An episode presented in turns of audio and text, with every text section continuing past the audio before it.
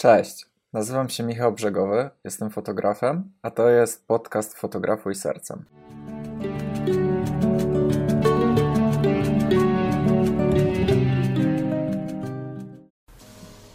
Cześć. Słuchajcie, w przeciągu ostatniego czasu dostałem od Was dość sporo pytań i staram się odpowiadać na każde z tych pytań, e, oczywiście związanych z fotografią. I jeśli tylko umiem Wam pomóc, to za każdym razem Wam odpisuję. Jeśli czegoś nie wiem, no to mówię, że, że nie wiem, albo staram się znaleźć informacje na ten temat. Ale postanowiłem, że będę nagrywał takie sesje QA. Więc dlatego też postanowiłem zrobić taką serię, gdzie będę nagrywał sesję i odpowiadał na Wasze pytania. Obecnie zebrałem tych pytań prawie 40. Nie przygotowywałem się wcześniej na odpowiadanie tych pytań, więc będę trochę improwizował i będę trochę leciał na flow. No to dobra, nie przedłużając, nie przedłużając dłużej, zaczynajmy. Pierwsze pytanie od Was było, jaki obiektyw wybrać do portretu? Zanim odpowiem na to pytanie, musisz Ty sobie odpowiedzieć na pytanie, czy używasz aparatu pełnoklatkowego, czy tak zwanego cropped. Więc odpowiem na to pytanie, skupiając się i na tym, i na tym. Więc zacznijmy od, może od kropa. Niezależnie od tego, jakiego aparatu używasz, zawsze polecam obiektywy stałoogniskowe do portretów, ze względu na to, że są to obiektywy bardzo jasne i pięknie rozmywają tło i tworzą bokach w tle. Obiektywy stałoogniskowe to są obiektywy bez zooma, czyli mają stałą ogniskową. Może to być ogniskowa 30, 35 mm, 50, 85 i tak dalej. Więc ja zaczynałem swoją przygodę fotograficzną z obiektywem 50 mm, 50 mm 1.8 Canona i używałem tego obiektywu do swojego kropa Canona. Jest to bardzo tani obiektyw, a uważam, że w tej cenie nie kupicie nic lepszego do Canona. Bodajże kosztują 300-400 zł, a robi naprawdę świetne, piękne portrety. E, jedynym jego minusem jest to, że moim zdaniem nie nadaje się do, raczej do niczego innego niż portretów, ewentualnie jakieś zdjęcie detali, ponieważ ogniskowa jest bardzo duża, jest to odpowiednik 85 na pełnej klatce. Jeśli masz kropa, polecam Ci mm, obiektyw jak najjaśniejszy. Jak najjaśniejszy to znaczy 1,4, 1,8 w zależności na co Cię stać, bo im jaśniejszy, tym droższy. Ogniskowa 35, ogniskowa 50, 35, może 24 do takich e, bardziej szerszych portretów, jak na przykład całej sylwetki. Ja używałem cały czas 50, bardzo sobie chwaliłem, trochę się nabiegałem, ale ale byłem bardzo zadowolony. Teraz mam pełną klatkę, więc teraz może troszkę więcej powiem, bo mam dwa obiektywy, które używam do portretów. Jest to 35 Sigma Art 1.4 i 85 Sigma Art również 1.4. Możesz to również kupić do Nikona czy do Sonego. No, powiem Wam, że 85 1.4 to jest mistrzostwo świata. Jeśli chodzi o portrety na pełnej klatce, Moim zdaniem 85 to jest jeden z lepszych obiektów do robienia portretów, ponieważ ogniskowa nie zniekształca twarzy, niezależnie od tego, jak daleko będziesz od modela lub modelki. I pięknie rozmywa tło, szczególnie na 1.4 przesłonie. Ale z racji tego, że jest to ciężkie bydle, to ja zdecydowanie częściej używam 35 nawet do robienia portretów, ponieważ ma to również więcej możliwości. Mogę również e, robić zdjęcia grupą, ale również troszkę się przybliżyć i zrobić bliższy portret.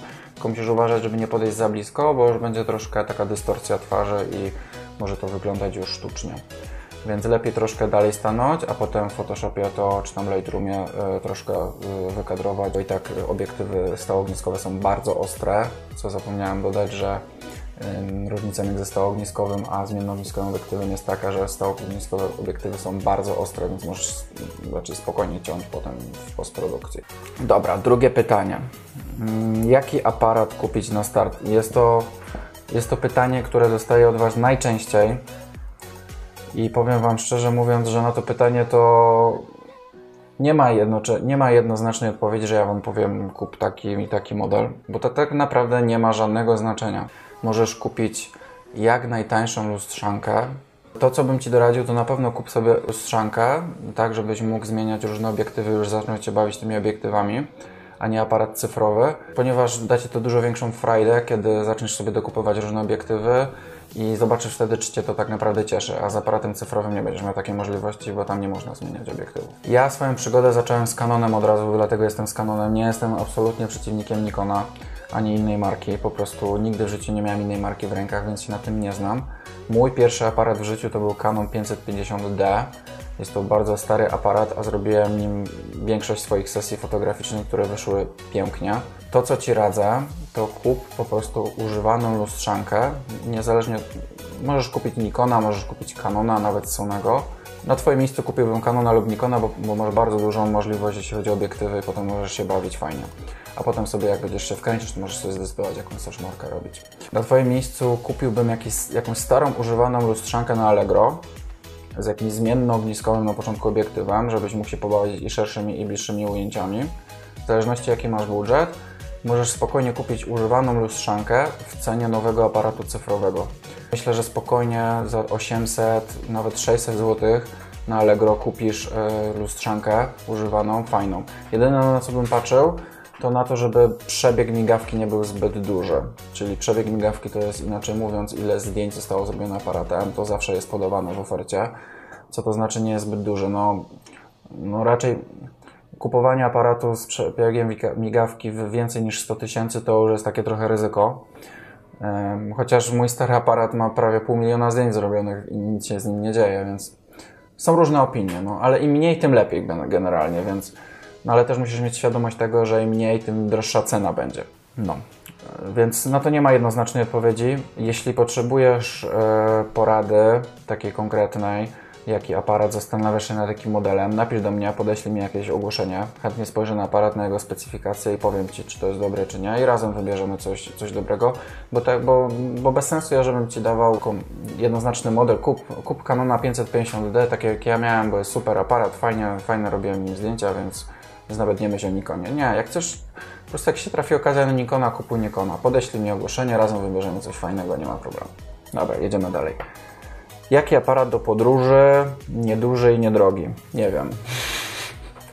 Powiem Wam szczerze mówiąc, że ja od początku miałem, tak jak mówię, lustrzankę, która do najmniejszych nie należy więc e, no nie, nie powiem, że to jest nieduży aparat, więc po prostu nie wiem, jaki może być. Wiem, że aparaty bez lusterkowce tak zwane są bardzo małymi, e, czyli bez lustra, są bardzo małymi aparatami, bardzo poręcznymi bardzo dobrymi aparatami, więc to są idealne aparaty e, właśnie, żeby w podróż. Sam się taki marzy, ale niestety to nie, nie należy do najtańszych, więc na to pytanie mm, niestety nie wiem, jak odpowiedzieć, ale to, co bym Wam doradził, to to, że nauczcie się po prostu podstaw e, fotografii najpierw, kompozycji, jak działa światło, jak robić e, krajobrazy, jeśli Was to interesuje, bo skoro podróż to krajobrazy, i ewentualnie jakiś storytelling, czyli jak budować historię z podróży. I powiem Wam, że z ręką na sercu, że zwykłym telefonem komórkowym, smartfonem lub iPhone'em możecie stworzyć e, fajną relację z podróżą fotograficzną, albo nawet zwykłym aparatem cyfrowym. Więc jeśli Wam zależy na małym, małym rozmiarze aparatu. Jeśli natomiast ten rozmiar nie jest aż taki ważny dla Was, to kupcie tą lustrzankę, naprawdę jest mega dużo fajnej zabawy z lustrzanką. E, szczególnie z głębią ostrości, gdzie możecie rozmywać tło. Macie dużo możliwości właśnie takich większych fotograficznych niż cyfrowymi aparatami. No mimo, no wiem, że te aparaty cyfrowe też mają jakieś tam, można rozmywać tło i tak dalej, ale to nie jest to samo. No, ja, ja tego w ogóle nie czuję trzymając aparat cyfrowy, więc... Więc no, dobra, następne. Jaki laptop do edycji? No i tu będą kontrowersje, bo jak widzicie, ja używam MacBooka Wcześniej używałem Samsunga całe życie, pracowałem na Windowsie. Do momentu, kiedy mi się prawie ten Samsung spalił, kiedy zacząłem wywoływać 200 y, zdjęć naraz w Lightroomie.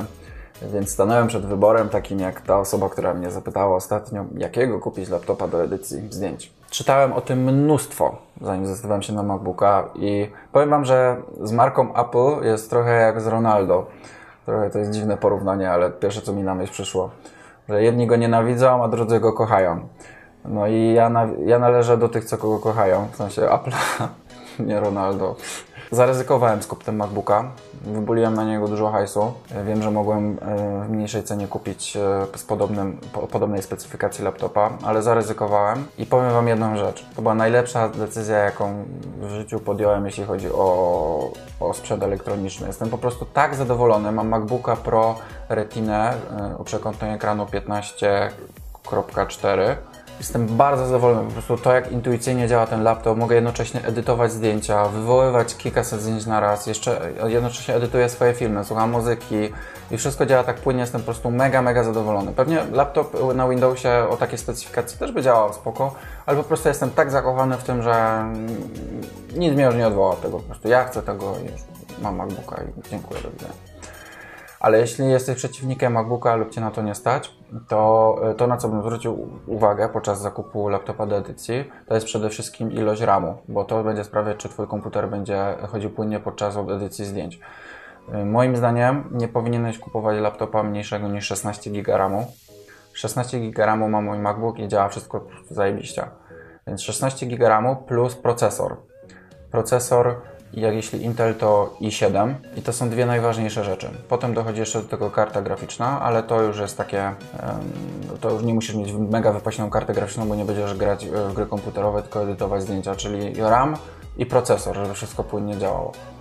Dwie najważniejsze rzeczy. Dobra, no to tyle na dziś. E, trochę się rozgadałem, ale chyba o to chodziło w tym. Więc jeśli macie jeszcze jakieś inne pytania, piszcie, będę odpowiadał. Jest to po to, żeby Wam pomóc.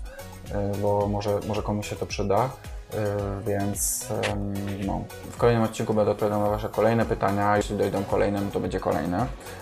Więc śmiało pytajcie, jestem zawsze skłonny Wam pomóc i y, także osobiście.